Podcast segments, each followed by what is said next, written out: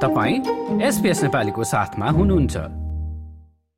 र श्रोताहरू अब कार्यक्रम अगाडि बढौँ। अब प्रत्येक महिनाको पहिलो आइतबार हामी आर्थिक सल्लाहकार विश्वास भट्टराईसँग समसामयिक आर्थिक विषयमा कुराकानी गर्ने गरेका छौँ। यसै सिलसिलामा आजको कार्यक्रममा उहाँलाई बढ्दो ब्याज दरले धेरैलाई सताइरहेको बेला यो मङ्गलबार रिजर्भ ब्याङ्कले ब्याज दर फेरि बढाउला त भनी सोधेका थियौँ। एसपिएस नेपाली। हाम्रो सामग्रीहरू फेसबुकमा सेयर गर्नुहोस्।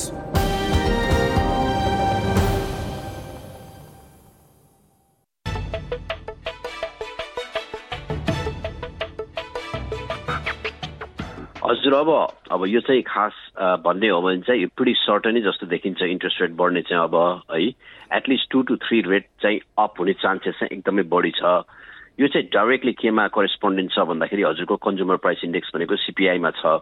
अब अहिलेको सिपिआईको प्रब्लम के छ इन्फ्लेसन जबसम्म बढिरहेछ तबसम्मका लागि चाहिँ इन्फ्लेसन चेकमा ल्याउनलाई चाहिँ रिजर्भ ब्याङ्कले चाहिँ इन्ट्रेस्ट रेट बढाइ नै रखे राख्छ। अब हो यो पनि के छ भन्दाखेरि मान्छेलाई गाह्रो परेको हार्ड कुरा पनि आइरहेछ तर रिजर्भ ब्याङ्कको सोल सोल म्यान्डेट चाहिँ के हो भन्दाखेरि इन्फ्लेसनलाई चेकमा ल्याउने मात्रै हो। अनि त्यसको लागि प्राइमेरी वेपन या मेन वेपनै भनौँ न रिजर्भ ब्याङ्कसँग भएको भन्ने कुरा चाहिँ हजुरको इन्ट्रेस्ट रेट मात्रै भएको हो भने उनीहरूले यसलाई चाहिँ बढाउँदै लान्छ। जब यो हामीले के गेस गरेका थियौँ भन्दाखेरि क्रिसमस पछि जनवरी फेब्रुअरीमा अलिकति कम हुन्छ कि भन्ने एक्सपेक्टेसन थियो तर त्यो अनुसारको कम भएको छैन। मान्छेको स्पेन्डिङ पनि धेरै नै अझ बढी नै छ। त्यो क्रमले चाहिँ यो वर्ष टु या थ्री रेट कट चाहिँ अझ या पोइन्ट सेभेन फाइभसम्म चाहिँ रेट अप हुने चान्सेस चाहिँ छ। धेरै नै छ भनौँ न। हजुर अनि रिजर्भ ब्याङ्कले हेर्ने यो जस्तो इन्ट्रेस्ट रेट बढाउने र घटाउने कुरामा आँकडा हेर्ने चाहिँ के इन्फ्लेसनको मात्र हो कि अन्य अन्य तथ्याङ्कहरू पनि हुन्छ त्यसमा?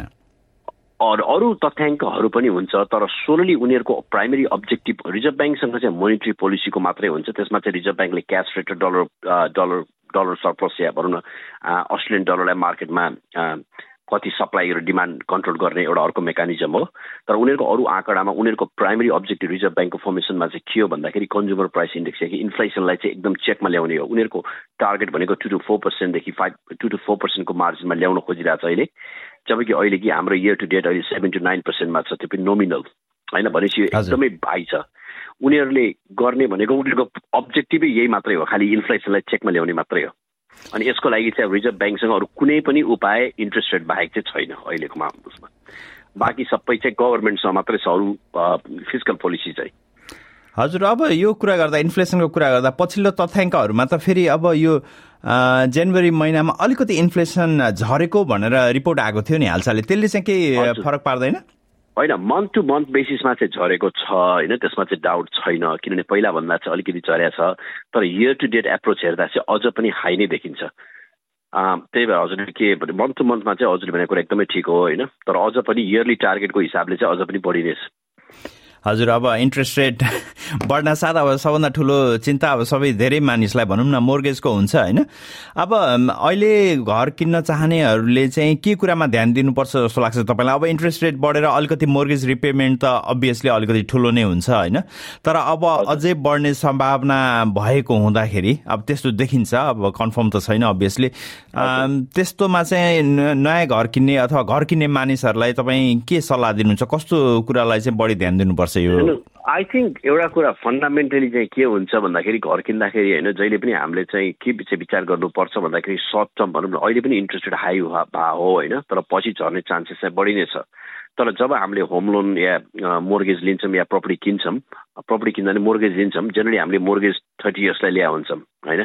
एभरेज मान्छेको लाइफमा twenty to thirty years mortgage तिर्न लाग्छ। त्यही भएर हामीले सर्ट टर्म भन्दा पनि लङ टर्ममा चाहिँ त्यो रिपेमेन्टमा आफू कति कम्फोर्टेबल भन्ने कुरा चाहिँ सधैँ नै फ्याक्टर गर्नुपर्छ किन भन्नुहुन्छ भने ओ दुई वर्ष तपाईँको टु पर्सेन्टमा होला दुई वर्ष दुई वर्ष तपाईँको सेभेन पर्सेन्टमा हिस्टोरिकली मोर्गेज भनेको somewhere between four to six पर्सेन्टको बिचमा फ्लोट हुने हो।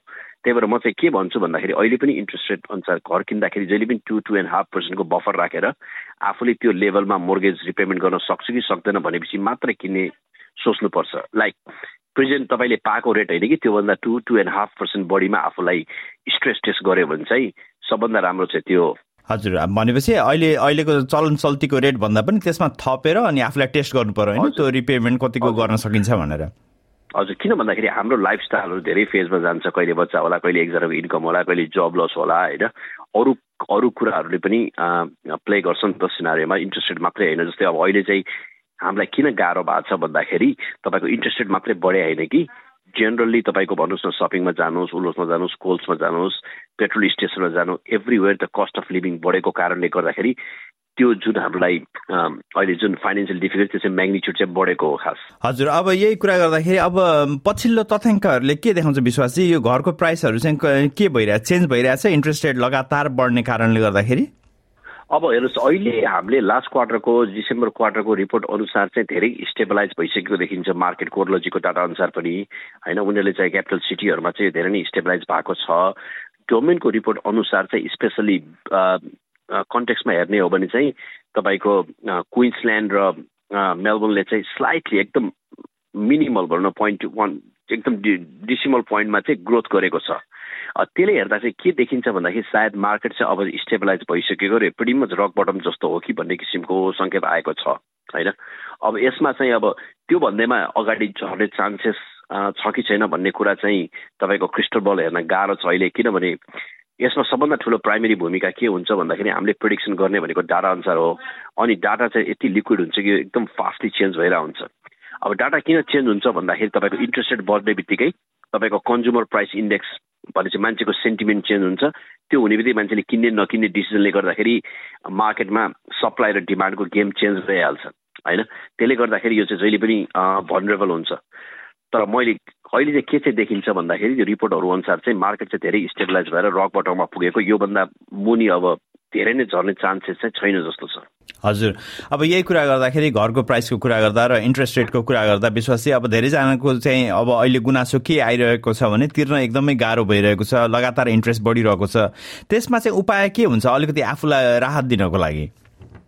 हजुर आई थिङ्क तपाईँले राम्रो कुरा गर्नुभयो होइन। स्पेसली धेरै मान्छेहरू one point two one point nine one point eight two पर्सेन्टको रेटमा फिक्स गरेकोहरू पनि अब भेरिएबल हुनेहरूलाई चाहिँ स्पेसली धेरै नै सक हुन्छ किन अहिलेको रेट एबाउट फाइभ पर्सेन्टमा छ।